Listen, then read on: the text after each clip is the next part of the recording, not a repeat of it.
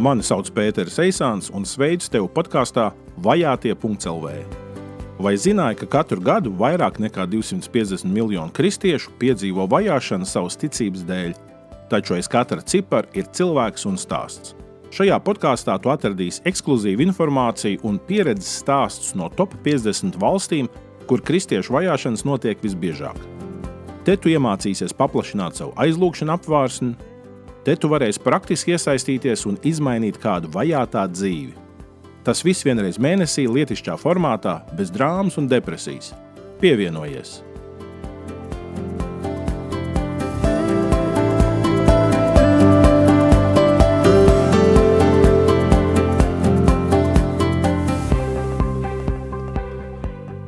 Vajātie.CLV Arī šajā gadā mēs eh, tiksimies reizes mēnesī, lai domātu par vajātajiem kristiešiem pasaulē. Eh, šobrīd ierakstu podkāstu tieši nedēļā, kad ir eh, Kristiešu vienotības nedēļa, un kad mēs esam aicināti lūgt par kristiešu vienotību savā pilsētā, savā novadā un savā valstī. Taču, manuprāt, ir ļoti piemēroti, ka mēs arī dzem, paskatāmies plašāk un redzam to, kas notiek pasaulē. Situācija jau ir tāda, ka kristiešu vajāšanas nav tikai 1. gadsimta, 2. vai 3. gadsimta fenomens. Tad eh, jāsaprot, ka 21. gadsimtā eh, tas joprojām turpinās un pat iet eh, plašumā. Šajā mēnesī mēs esam aicināti lūgt par vajātajiem kristiešiem piecās valstīs - Ziemeļkorejā, Afganistānā, Somālijā, Lībijā un Pakistānā. Kāpēc tieši šāda secība? Eh, tāpēc, ka eh, biedrības Baltijas globālā iniciatīva izdotajā vajāto kristiešu aizlūgšanu sienas kalendārā eh, šī secība ir tāda, ka janvārī mēs iesākam ar valstīm, kur ir visstiprākās kristiešu vajāšanas, un, un kamēr nonākam līdz decembrim, katru nedēļu par vienu valsti aizlūdzot, no tur jau tās vajāšanas ir mērenākas. Tādēļ mēs iesākam gadu ar tām valstīm, kur uh, vajāšanas ir visgrūtākās, un uh, tāpēc šāda secība. Kāda būs šodienas podkāstu tēma? Trīs tēmas gribu pieteikt.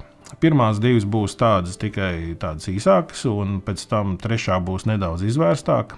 Vispirms runāsim par Afganistānu.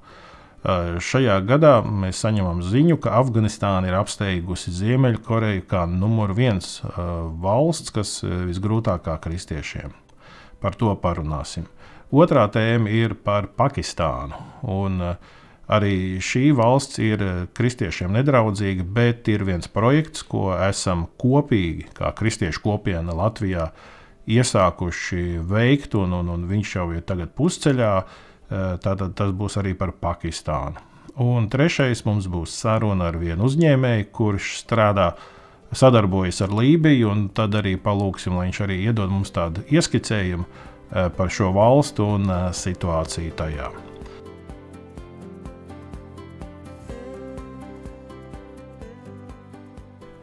Nu, bet bez lielas kavēšanās ķersimies klāt šīm tēmām un um, sāksim ar Afganistānu. Par Afganistānu ir divi punkti, ko es gribu pateikt. Um, pirmais ir tas, ka tiešām mēs saņemam ziņas uh, par to, ka uh, Afganistāna ir apsteigusi Ziemeļkoreju kā kristiešiem visgrūtākā valsts. Uh, aptuveni 20 gadus līderu valsts ir bijusi Ziemeļkoreja. Tur nu, tas ir komunistu režīms, radikāls komunistu režīms, kur uh, Pat desmitiem tūkstoši kristieši ir uh, ieslodzīti koncentrācijas nometnēs, un, un tā situācija ir nu, ļoti, ļoti tāda uh, briesmīga. Nu, gluži kā trakākajos Staļina laikos bija Padomju Savienībā. Bet tagad tā situācija ir mainījusies, un Afganistāna tik, tikko ir apsteigusi Ziemeļkoreju kā kristiešiem visnedraudzīgākā valsts. Un arī ne jau tādēļ, ka būtu vairāk kristiešu Afganistānā kā Ziemeļkorejā, bet tieši arī dēļ tiem izaicinājumiem, kas tagad tieši arī ar talību nākšanu pie varas eh, visā valstī ir arī to situāciju mainījuši. Par Afganistānu mums jāzina arī to, ka eh, Afganistānā ir tikai viens kristiešu dievnams, un tas pats ir Itālijas vēstniecībā. Tādēļ mēs nevaram runāt par kaut kādu draudzīgu vidi kristiešiem. Misiologi lēš, ka ir aptuveni 10,000 līdz 12,000 kristiešu, pagrīdes kristiešu, musulmaņu kristiešu, kas ir konvertējušies no afgāņiem kristietībā. Šķiet, ka visvairāk tie ir no Hazara cilts, nevis no paštuniem. Paštuni ir vislielākā cilts, kas Afganistānā ir. Bet tādēļ, ka toni nosaka paštuni, tad viņa situācija apmierināta. Un, un tas nav tikai Pakistānā vien, bet arī citās valstīs, Āzijā, ka evaņģēlijas ir nācis iekšā. Tad parasti ir labāk atsaukušies evaņģēlijam tiem, kas ir atstumti no uh, politiskās varas, no sociālās ietekmes, no ekonomiskās varas. Nu tā, un arī šeit šķiet, ka starp Hazaras cilts cilvēkiem lielāka atsaucība evaņģēliem ir tieši tur. Un tādēļ jebkuri centieni pāriet no islāma kristietībā, konvertēties, tā ir Tā ir zaimošana, tā ir novēršanās no islāma, un tas ir pat ar nāvi sodāms eh, pēc šariāla likuma eh, pārkāpums. Tādēļ ir ziņas, ir ziņas par eh, jau kristiešiem, kas ir tādā veidā sodīti ar nāvi, bez tiesas lēmumu. Un bieži vien tas ir arī tāds kopienas akts, ka viņi iztumj tos, kas ir neatbilstīgi kopienai no savu vidus. Eh, tādēļ tā ir diezgan dramatiska situācija, kas šobrīd ir Afganistānā. Nu, tātad par to mēs lasām, un eh, to mums ziņo uh, organizācija Open Doors, uh, kas jau vairākus gadu desmitus tieši arī viena no lietām, ko viņi dara, ir arī, ka viņi tieši metodiski pēta šos jautājumus par kristiešu vajāšanām pasaulē, un arī viņi ir tie, kas nu, pēc šīs metodoloģijas arī sastāda to sarakstu. Ja? Top 50 vajātāji, eh, tieši kristiešu vajātāji pasaulē. Un arī pēc šī saraksta arī mēs vadāmies, lai organizētu katru nedēļu aizlūgšanas par vienu pasaules valsti. Bet attiecībā uz Afganistānu man arī jāsaka liela paldies visiem tiem, kas eh, augustā iesaistījās eh, arī palīdzības projektā tieši Afganistānas kristiešiem. Un, uh, toreiz jau es tos cilvēkus, kas iesaistījās, brīdināju, ka nav simtprocentīgi garantija, ka mēs dabūsim atgriezenisko saiti. Jo nu, tā situācija tur bija ļoti sarežģīta, bet uh, ir gājis laiks un ir arī atgriezeniskā saite.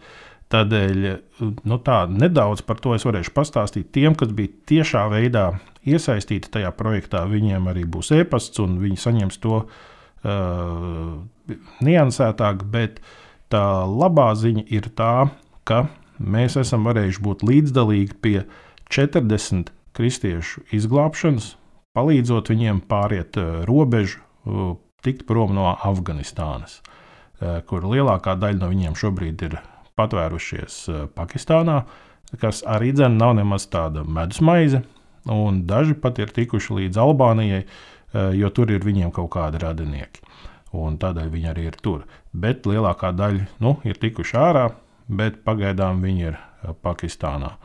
Un, un grūti pateikt, cik ilgi viņi tur būs. Bet vismaz viņi ir no tās grūtākās situācijas ārā. Uh, vēl viena lieta, ko no, caur mūsu projektu mēs varējām izdarīt, ir uh, palīdzēt iekārtot vienu maiznīcu, kur tiek cepta maize uh, Un tas ir arī tieši caur to Hazaras fondu. Tā, tā, tā ir organizācija, kas tieši mērķiecīgi sadarbojas ar Hazaras etnisko grupu, un tie ir, kā jau es minēju, atvērtākie šobrīd evaņģēlijam. Un nepārpratīsim, tas nenozīmē, ka tur ir kaut kāda atmoda, bet tur ir kaut kāda atvērtība. Un tādēļ šis projekts ir tāds, kur nabagiem, trūcīgiem ir iespēja arī kādai daļai konkrētam skaitam katru dienu, jo tur tiek, nu, viņi saņem tādu bezmaksas biļeti. Viņi var nākt un saņemt naudu, nu, to maizīti, bet pārējā maize tiek pārdota nu, pa tirgus cenu, lai vispār nu, varētu to uh, pasākumu uzturēt, lai viņš būtu ne tikai iesākts, bet viņš arī uh, varētu turpināties. Un arī tur mēs esam varējuši šeit no Latvijas uh, pielikt roku. Tādēļ paldies visiem, kas atsaucāties, kas iesaistījāties, kas ziedojāt. Un, un kopā ar Baltijas globālo iniciatīvu mēs esam to varējuši izdarīt. Tā nav maza lieta. Un paldies jums visiem!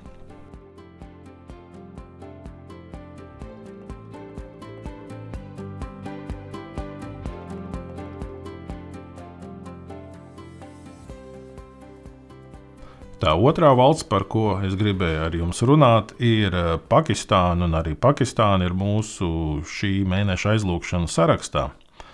Eh, ja mēs skatāmies uz kristiešu vajāšanām, tad visās valstīs tā dinamika nav vienāda. Citur ir eh, varbūt kaut kādi juridiski ierobežojumi, citur ir kaut kādi varbūt sociāli ierobežojumi, citur ir kaut kāda ekonomiska, citur ir vairāk šo faktoru summu. Un atkal dažās valstīs ir tieši liela bīstamība dzīvībai, kad Eh, te var ņemt un nogalināt. Un, uh, Pakistāna ir eh, viena no līderiem tieši aizvadītajā gadā. Un, kad es tagad skatos pēc datiem, tad aizvadītajā gadā 620 cilvēki Pakistānā ir nogalināti. Tātad Pakistānā ir šī islāma vairākuma zeme. Un, un viena no lietām, kas ir raksturīga Pakistānai, ir tas tā saucamais zaimošanas likums kur vienkārši cilvēku var gandrīz dēļ jebkāda iemesla ņemt un apsūdzēt zaimošanā, ka šis cilvēks zaimo islāmu. Un tad ir ļoti viegli arī pat eh, nu, uzjundīt pūlī tādas emocijas, nu, pilnīgi tādu linču tiesu spriest, ka nu, to cilvēku piekauju nosit, eh, iznīcina. Turpat uz vietas vēl pirms eh, policijas vai iejaukšanās vai pat kaut kādas tiesvedības. Un, un ne jau tikai kristieši cieši.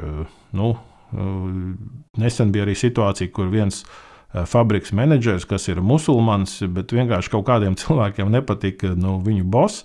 Menedžeris, un viņi tur teica, ah, nē, šis taču ir tāds islāma zaimotājs, un, un uzjundīja tur apkārtējo pūlu, un, un dienas laikā viņu Eh, nogalināja, un tas viss tika uzfilmēts video, un tas nekas. Tur eh, cilvēki to bez ierobežojumiem darīja. Un, protams, nu, tur arī pēc tam jau ir ražotāži, protams, un, un, un, un, un medijos, un kā tā var. Bet tā situācija tāda ir. Un arī par kristiešiem mēs gadiem jau šīs ziņas esam saņēmuši. Kur vienkārši kādam kaut kas nepatīk, viņi apsūdz, oh, nu, šis cilvēks ir zaimotājs, uh, un tādēļ viņu var diskriminēt, un vēl trakāk var nogalināt. Tādēļ nu, kristiešiem ir eh, grūti Pakistānā.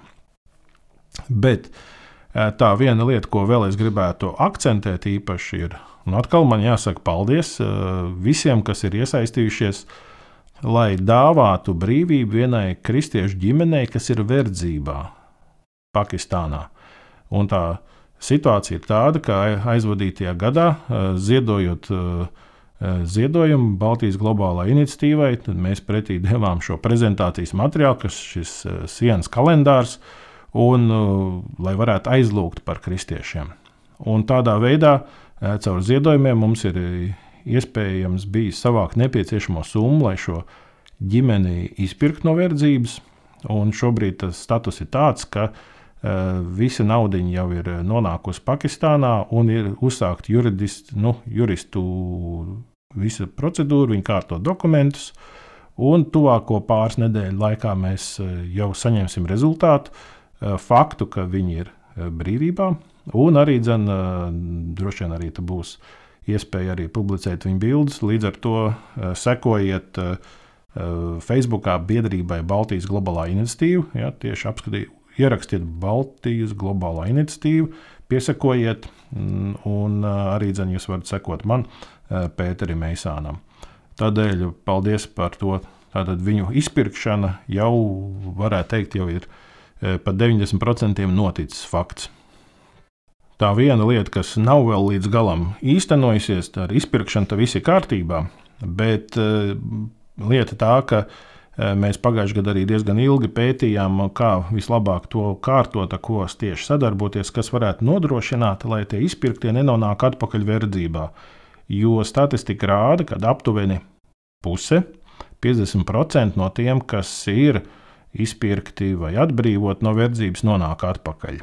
Un viens no iemesliem ir tas, ka viņiem nav eh, vai nu prasmes eh, strādāt, ko viņi var pārdot darba tirgū, un arī viņiem nav kapitāla, nu, lai kaut ko veidotu. Tādēļ eh, tā doma bija tāda arī, ka nu, tam dēlam tur būs uz vietas, tur jau ir sarunāts elektriķis, kas viņu apmācīs elektriķa profesijā. Bet tās ģimenes tēvam bija doma, ka arī palīdzēt nopirkt nu, mocīti, tādu trīsriteņu, nu, ko pat tuktuku sauc. Un aptuveni pusotru tūkstošu eiro bija nepieciešams. Un, nu, tā, tur mēs vēl esam pusceļā. Nu, puse mums ir savākta. Bet nu, es ceru, ka arī nu, tuvākajā pāris nedēļās vai mēnešu laikā mēs būsim varbūt to visu varējuši savākt, un tad arī dzen, būs iespēja tikt pie šī mocīša, un arī lai to var strādāt, un nebūtu tas risks atkrist atpakaļ verdzībā. Tādēļ paldies visiem, kas esat. Nu, visos Latvijas novados bija cilvēki, kas gribēja iesaistīties, kas šo kalendāru arī lūdzu, ka vēlējās pret ziedojumu saņemt. Un, un es gribētu teikt, tā ir jau ļoti labi, ka mēs esam varējuši ziedot tam mērķim, bet manuprāt, ir arī ļoti svarīgi un, un nenovērtējami tas, ka mēs arī lūdzam. Tādēļ es gribētu mudināt jūs visus turpiniet lūgt par šo ģimeni un par to, lai viņi ne tikai tagad izpirkti kādu mirkli, bet lai viņi tiešām paliek līdz mūža galam, un arī viņu bērni, kā brīvi cilvēki, kā brīvi kristieši tajā zemē un lai viņi var būt par liecību, nu, Kristus eh, žēlastības liecību eh, tajā vidē, kur viņi ir.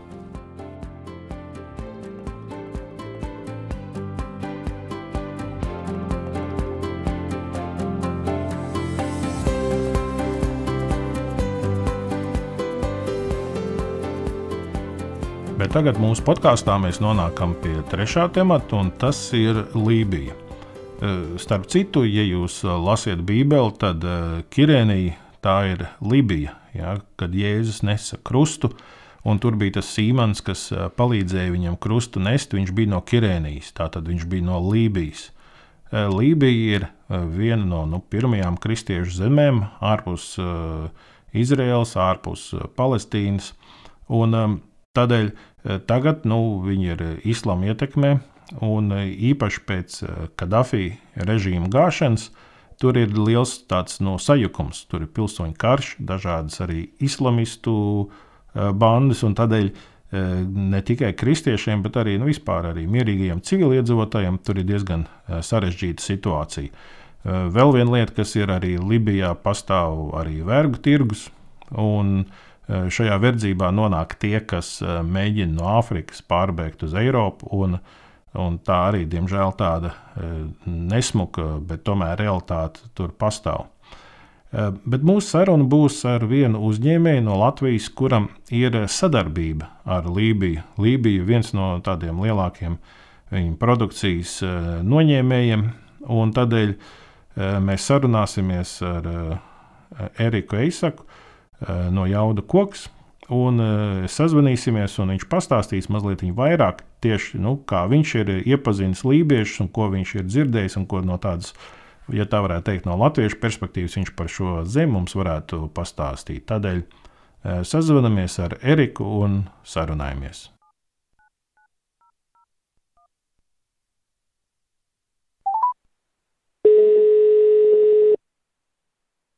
Sveiki, Erika! Sveiks, Pēteri! Nu, paldies, ka tu atradi laiku sarunājies. Tad, kad eh, tagad janvāra mēnesī mums ir jādomā par dažādiem zemēm, kur notiek vajāšanas, es skatos, ir arī Lībija vai ne. Un tad uh, es atcerējos tevi, jo nu, ik pa laikam, kad esam tikušies, eh, bieži vien arī tie sarunu temati kaut kā arī ir ievirzījušies tā, ka tu piemini sarunā Lībiju. Nu, es domāju, nu, pagaidi, nu, tad parunāsim ar Eriku par uh, Lībiju. Un, un, un katrā gadījumā Eh, es domāju, tas varētu mums būt eh, nu, arī citiem interesanti dzirdēt kaut ko bišķi vairāk. Varbūt tad pastāst, nu, kāpēc vispār eh, nu, tev ir kaut kāda saikne ar Lībiju izveidojusies, un, un kāpēc tad man radies tāds priekšstats, ka būtu vismaz vērts ar tevi sazvanīties un parunāt? Jā, nu, droši vien sākšu ar to, ka arī iepazīstināšu sevi. Mm. Uzņēmumu kurš eksportē uz Lībiju jau daudzus gadus impregnēts koku stabas elektrolīnijā. Kopš 2015. gada tas ir īpaši lielos apjomos, pilnas kuģu kravas tiek krauts katrā pa 10 tūkstošu stabiem. Un, saskaitīju 11 kuģu kravas ir aizsūtīts. Tas nozīmē, ka Latvijas ekonomikā ir ieplūduši vismaz 10 miljoni eiro naudas no Lībijas ekonomikas. Teicoties uzņēmumam Jauda Koks, kurā strādāju jau 20 gadus, un kurš ir viens no vecākajiem kokapstrādes uzņēmumiem Latvijā, ražoja to pašu produkciju kopš 61. gada šeit. Ja, un privatizēts ir 92. gadā, tā kā nākuši gadu arī apaļ privātam uzņēmumam. Jā, un, un Lībija ir tas mūsu galvenais tirgus, lai cik dīvaini tas neizskatītos. Mm. Latvija un Lībija, kur, kur ir uh, divas valstis, bet uh, uh, pamazām tas priekšstats par valsti arī radās. Es pats gan tur tā arī ne, netiku. Uh, jau bija noskatīts avio biļets, uh, kad bija miera laiki. Uh, Tripolis lidos sabum, sabumboja.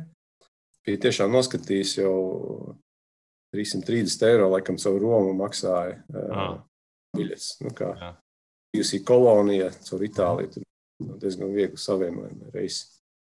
Bet lidostas pēc tam vairs nebija. Tā es arī netiku tur. Bet nu, kā par citām tālām nu, valstīm? Tu, tu runā par to, kas saucās Arābu pavasaris, saucamais. Ja? Mhm. Jā, bet par daudzām tālām valstīm cilvēki arī agrāk informāciju ieguva caur tirgotājiem. Uh -huh. Tirgotāji bija tie, kas daudz maz iepazina eh, šīs citas valstis un, un cilvēkus. Un, eh, nu, no, no tāda aspekta es varu nedaudz par Lībiju pastāstīt, jo man ir eh, tiešām arī labs draugs viens, kurš dzīvo Tripolī. Sākās viss nu, kā, biznesa dēļ, bet beig, beigās uh, uh, radniecīga dvēsele. Mhm. es parunāju desmit minūtes, un pārējais ir, ir uh, faktiski pat tādas privātas lietas, kā Vienreiz bija pat gadījums, ka šis draugs palīdzēja no Eģiptes dabūt medikamentus, kur izārstēt C hepatītu. Mm. Kad Latvijā bija deficīts vai arī maksāja 20,000 eiro, tad tur varēja pat 300 dolāriem, ja nemaldos, viņš man atgādāja tās zāles. Es pastāstīju, cik, cik bēdīga tā situācija bija toreiz Latvijā. Un, Jā, tās zāles nonāca pie manis, bet uh, es pats jau izvesaļojos. Tiem draugiem, uh, vien, vienai, vienai kolēģei es uh, kā, uh, šīs zāles iedevu, bet man vēl divas porcijas palika pāri. Un es izglābu divu, divu ukrāņu dzīvības, uh, kur izrādās babuļi. Uh, pēc tam tikai izrādījās. Ah, Nejauši Facebookā nopostoja, ka pa brīvu tiek atdotas zāles. Uh, pirmais, kurš piesakās tam, tam tiks. Un, un, Un tāds tas no Ukrainas pieteicās, bijušais narkomāns un, un, un viņa draudzene. Arī man tagad ir draugi. Jā. Vēl kāds līdzi. Jā, privāts tādas attiecības. Arī tas, tas draugs Aimens, viņš ir bijis Latvijā vairākas reizes. Mm. Pie manas mājās gatavoja tradicionālu ēdienu mums ar sievu. A, ko viņi ēda dažos vārdos? Tas ēdiens, ko viņš pagatavoja, bija kaut kas tāds jēra gaļa kopā ar kartupeļiem, dārzeņiem sasautēts katlā. Nu, nekas tāds, manuprāt, īpaši, lai, lai mēģinātu atkārtot, bet uh, sātīgs ēdiens, normāls ēdiens. Jā, un uh, skvošu aizgājām draugiem uzspēlēt, un viņš izrādījās labs skvošu spēlētājs. Un, un, un, nu jā, tā, tādā tādā veidā es dabūju īstenībā zināt visus tos atbildus tiem jautājumiem, kas man bija sakrājušies attiecībā uz situāciju Lībijā. Un, ko es zinu, to es varu pastāstīt. Nu, kas, kā, kā tev liekas, kas ir tādi tipiskākie, varbūt, eh, es nezinu, aizspriedumi vai kaut kādi, nezinu, kaut kādi priekšstati, kas varētu neatbilst tam, ko kā Lībija saredz paši vietējie? Jā, stereotipi ļoti. Jā. Uh, mūsu uzņēmums īstenībā eksportē preci ne tikai uz Lībiju, bet vēl bija Jemena, Palestīna, dažādas Āfrikas valstis, Eritreja. Un regulāri mums ir problēmas, kad banka nobloķē naudu. Jo šeit, pēc definīcijas, ja tu esi no tā reģiona, tu esi bezmaz vai terorists. Un, un tas, kurš saņem naudu, ir tas, kurš finansē terorismu. Es teiktu, ka Latvijā tā, tā, tas, tas stereotips ir pat briesmīgāks nekā citur Eiropā. Piemēram, Lībijas energokompānijas augststāvoša amatpersona ieradās uz inspekciju Latvijā caur Frankfurti un divas stundas viņu pratināja Rīgas lidostā. Viņš bija tā noskaities, ka viņš bija gatavs kāpt atpakaļ lidmašīnā, jo pēc tam viņš stāstīja, ka Frankfurtē vispār kā jebkurš normāls cilvēks, viņš izgāja kontroli, viss kārtībā. Tikko tiek Rīgā, tā viņus tur reāli pratina. Un, tas gan bija citu citas valsts pilsoņiem decembrī, bet pat bija gadījums, ka viņus izlika no viesnīcas ārā. Mm. Nu, cit, Citāltiešus ja, no šiem augsta riska reģioniem. Es, es uzskatu, ka viņi nedaudz tiek diskriminēti Latvijā. Un, līdz ar to arī mūsu uzņēmums. Un, tādi daudz spilgti piemēri ir bijuši, kad mums masu medijos tiek celta kaut kāda panika par notikumiem tajā valstī. Es uzreiz uh, sazinos ar savu draugu, prasu, kā tur tā bumbošana, vai tā ģimene ir sveika, vesela. Viņš smējās. Es esmu pie friziera, visi kārtībā, iziet uz balkonu, nofilmē mašīnas brauc. Fonā kaut kur dūmu mākslinieks ceļās, un dūmu mākslinieks nu, kaut kur trāpīja. Nu, kādam nepaveicās, bet viņam dzīve neapstājās. Tā. Tas, tas tāds paradoks, man liekas, ja mums kaut kur kaut kas uzsprāst, visi sēdēt bunkuros un, un drebēt. Tur uh, viņi pie tā pieraduši. Un, uh, tas jau daudzus gadus velkās. Es domāju, tur ir vesela jau bērnu paudze, kurš mēs nezinām, kāds ir, kad nekur uh, nekāda trokšņa neskan, nekādas ložmetēja kārtas nedzird. Un, Totāls miers ir kā. Pie... Vai tā nav viena fenomenāla traģēdija? Iedomājieties, ka gadiem jau viņiem ir šis pilsoņu karš, un tu esi tā pieredzējis, ja, ka tu mierīgi sēdi pie bārziņa krēslā vai ne, tur uzsprāga. Nu, ok, nu, turpinām. Jā. jā, nu tur militāri savā starpā kaut kāds rēķins kārto. Un šad tad kādam nelaimīgajam civilējam trāpa virsū, nu, ko padarīs, nepaveicās. Kā, kā, kā viņš tur uzrakstīja, Es happens. nu, jā, bet arī no tīra. Tā bija tā vai māja, nu, es happens. Bet no, arī no islāma teoloģijas eh, viedokļa viņa arī, nu, Alaks tā bija vēlējis. Nu, arī bija tāds determinisms arī tajā, nu, cik es esmu bijis uh, tujos austrumos, to arī bija šī tā jūta. Tāpēc uh, arī varbūt, nu, ko tur daudz var uztraukties, nu, ja Alaks tā vēlējis, nu, ko tur daudz, nu. Bet kā arī nebūtu, nu, viņiem jau tur ir jādzīvo tomēr. Jā, valsts ir milzīga, 17. Um, lielākā pēc teritorijas pasaulē, hmm. bet tikai 6,8, 6,9 miljoni iedzīvotāji. Līdz ar to nu, tāda diezgan unikāla valsts, pilna ar uh, minerāliem, vērtīgiem uh, resursiem, bet netiek ārā no šīs politiskās krīzes, kur viņi šobrīd ir. Un, īstenībā tā politiskā krīze īstenībā viņam jau sen ir. Ne, te, te valstī uzplaukt, kā tas būtu iespējams, ja nebūtu visas šīs nebūšanas Lībijā. No kāds tur ir tas Kadafī faktors, nu, par to kaut kādās sarunās esat uh, to apsprieduši? Jā, uh, man vienreiz, uh, 19. gads tas bija, uh, sāka klejot internetā tādi Kadafī glorificējoši raksti, ka Kadafī laikā tur bija milzīgi pabalsti ģimenēm, jaunlaulātajiem, biznesa uzsākšanai 20 tūkstoši bezmaksas dolāru kredīts un tā tālāk. Nu, es lasīju un neticēju, ka tā tiešām ir aizsūtīja šo labumu sarakstu Aimenam un trāpīja viņam uz sāpīgo vietu.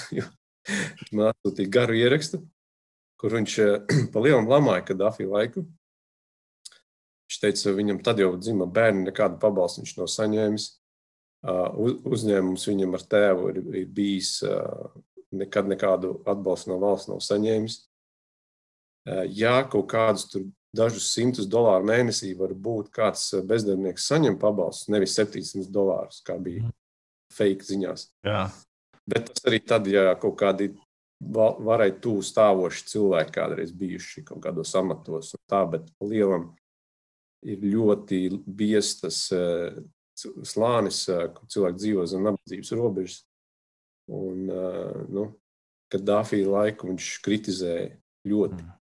Bet pašā beigās viņš teica, kas bija apbrīnojami, bija kārtība un miers. Bija. Mm. bija kārtība un drošības sajūta.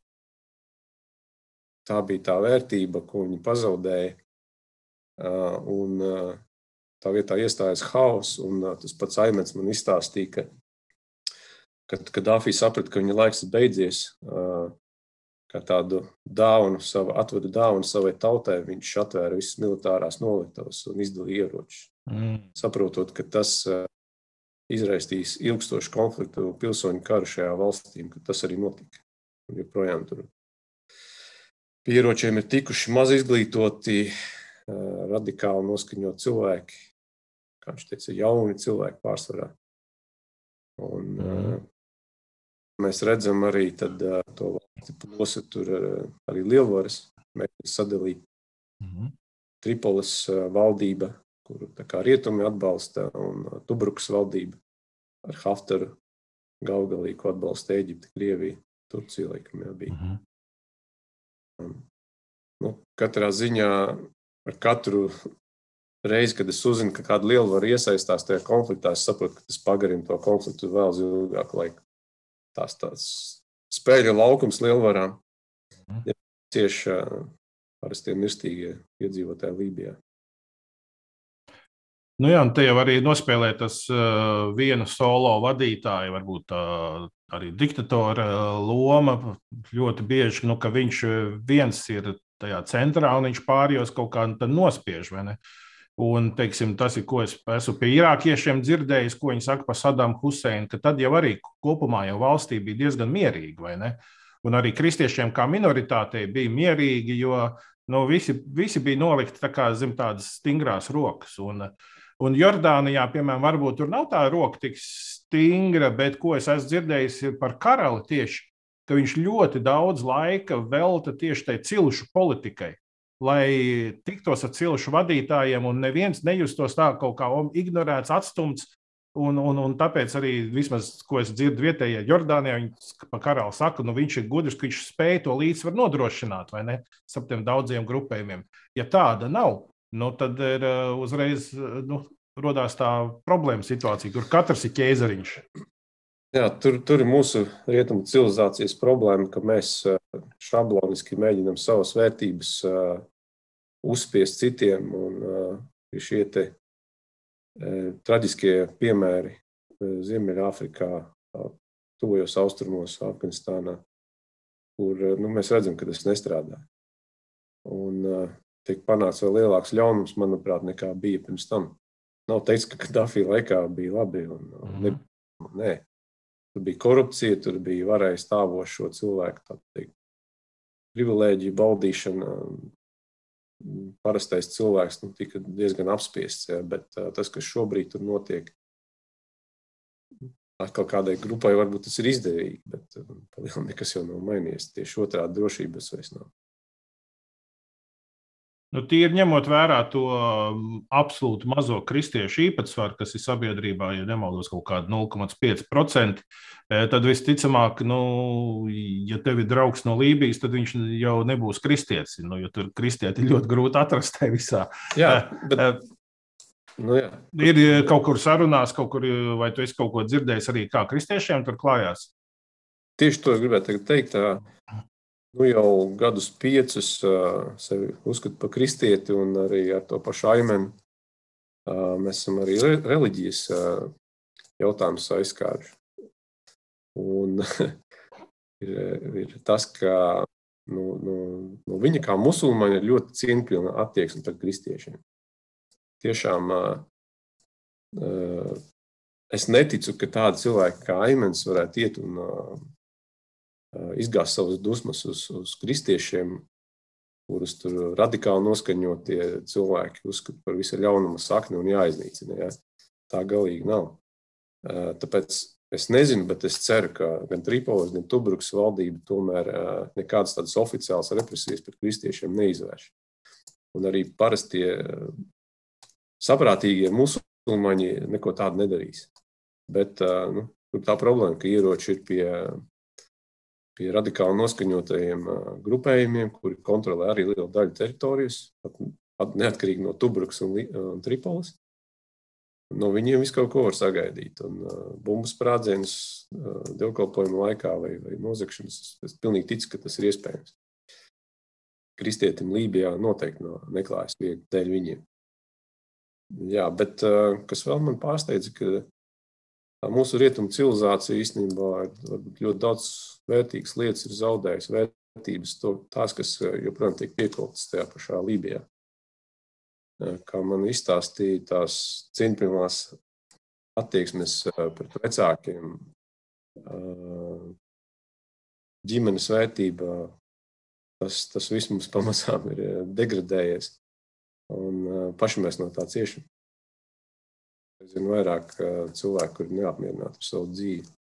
Tur ir nedaudz savādāk. Tur tu neesi viens karotājs. Tur ir es tevis liela ģimenes stāvoklis Un, nu, tā ir vērtība. Viņam nav problēma. Viņš teica, pat, pat viņa brālis var iesaistīties viņa bērnu audzināšanā. Tās metodas nav tādas, kuras mēs šodien atbalstam civilizētajā pasaulē, bet uh, tāpat tās arī tām metodēm ir rezultāti. Viņš joprojām ļoti ciena savu mammu, kur ir skolotāja skolā. Un, uh, diezgan stingri skolotāji. Viņš pats arī dabūjis dētāju ciest. Tā ir viena no lietām, ko mums ir grūti saprast. Sieviešu loma, teiksim, Arābu pasaulē vai Islāma pasaulē, un es nevaru runāt un saprast, vai tas ir teiksim, tā universāli visā Islāma pasaulē, bet kur es esmu bijis pie arābiem, es esmu vērojis tām mamām, ir liela nozīme. Viņas it kā nu, Tur saka, nu, sieviete ir otrā plānā. Eh, bet patiesībā viņas riktīgi vada, vada to ģimeni, un viņām ir baigā teikšana. Stingrs kakls. tas ir tas tāpat, ko pa, pa, pa, pa itāļu mamām un omēm arī nostāsti klīst, vai ne? Nu. Tā kā mēs nevaram eh, skatīties augstprātīgi uz to līdi un pateikt, ka tur viss ir slikti. Tur ir daudz labas lietas, ko mēs varētu mācīties vēl no viņiem. Ja, bet nu, katrā ziņā šabloniski uzspiest savas vērtības viņam ir nepareizi, manuprāt. Un, tā, tagad cieši arī kristieši, kur tur ir tiešām maz, lai, lai, lai arī es sapratu, Lībija bija tas agrīno kristiešu šūpulis.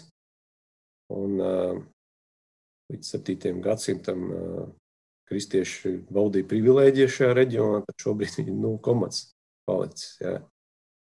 Un uh, vēl jābaidās par savu dzīvību. Nu, tā jau ir lielākās kristiešu pilsētas, nu, vēl bez Romas. Visas tagad jau ir nu, islāma teritorijās. Nu, tādēļ tās visas bija kristiešu teritorijas. Un... Var, varbūt kaut ko Romas impērija darīja nepareizi. Jā, varbūt.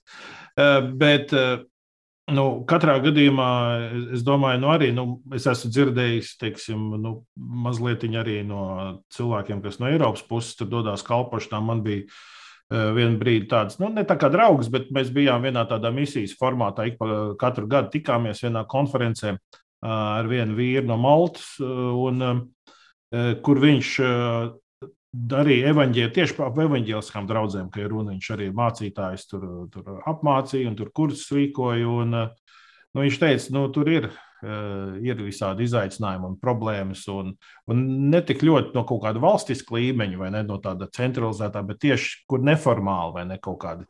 Kaut kādā ciematā, kur tu esi pilsētā, tur tieši no tiem cilvēkiem viņi kaut kādā brīdī viņi ļoti sakoncentrējās uz to savu kaut kādu teoloģisko islāma uzstādījumu un neņem vērā to vispār cilvēcisko, un tad viņi nu, tad tur radās visādas spriedzes, jā, nolaupīšanas un uzbrukumi. Un, un, un, no tā, to Lībijā, diemžēl, ir jārēķinās. Domāju, ka jā. Vēl pirms gada man stingri nerekomendēja doties uz, uz Tripoli, bet šobrīd jau decembrī mēs runājam, kas varētu pievienoties vienam mm. no braucieniem, kur man sadarbības partneri brauc. Viņi gan ir turki, nedaudz līdzīgāki. es tur ļoti būtu redzams uz tā kopējā fona droši vien. Bet šobrīd situācija, es sapratu, ir normalizējusies. Visi gaida, kad beidzot vienosies par kopīgu valdību, vismaz sadalīs to valsts, lai varētu attīstīties tālāk, lai ir starptautiskā atzīšana, lai konti ir atbloķēti, lai var sākt tirgoties.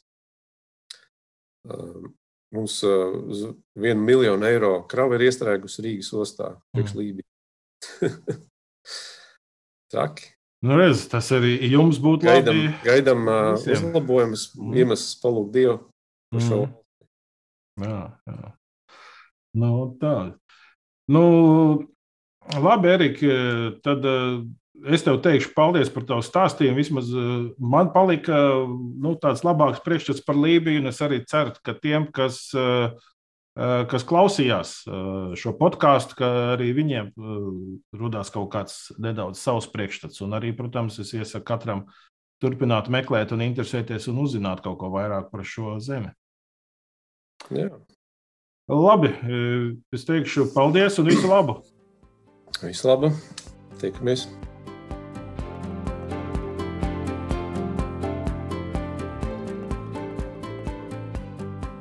Paldies Erikam par stāstu. Paldies arī tev, ja noklausījies šo visu līdz galam. Vēl tikai gribu atgādināt, ka lūkšanu video katru nedēļu ir lūkšanu video YouTube kanālā BGI misija. Skaties kanālu BGI misija. Un arī tos video mēs liekam Facebookā, Baltijas globālā institīva, tādā Facebook lapiņā. Un arī nu, es arī lieku arī, nu, pie sevis privātajā Facebookā Pēters Eisāns. Tur jūs arī tos varēsiet atrast. Un, uh, lai tie ir arī kā tāds atgādinājums.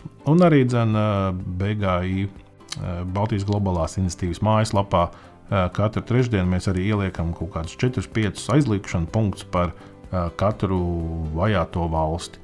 Nu, tādā veidā jūs katrs personīgi, un arī, ja jūs kaut kādā veidā, kādā mazajā grupā draudzē vai uh, vispār draudzes dzīvē šo gribat integrēt, tad tas arī dzen, tā ir iespējams. Bet nu, šajā dienā es saku paldies par uzmanību un līdz uh, nākamajai reizei, kad tiekamies podkāstā jau februārī. Visu labu!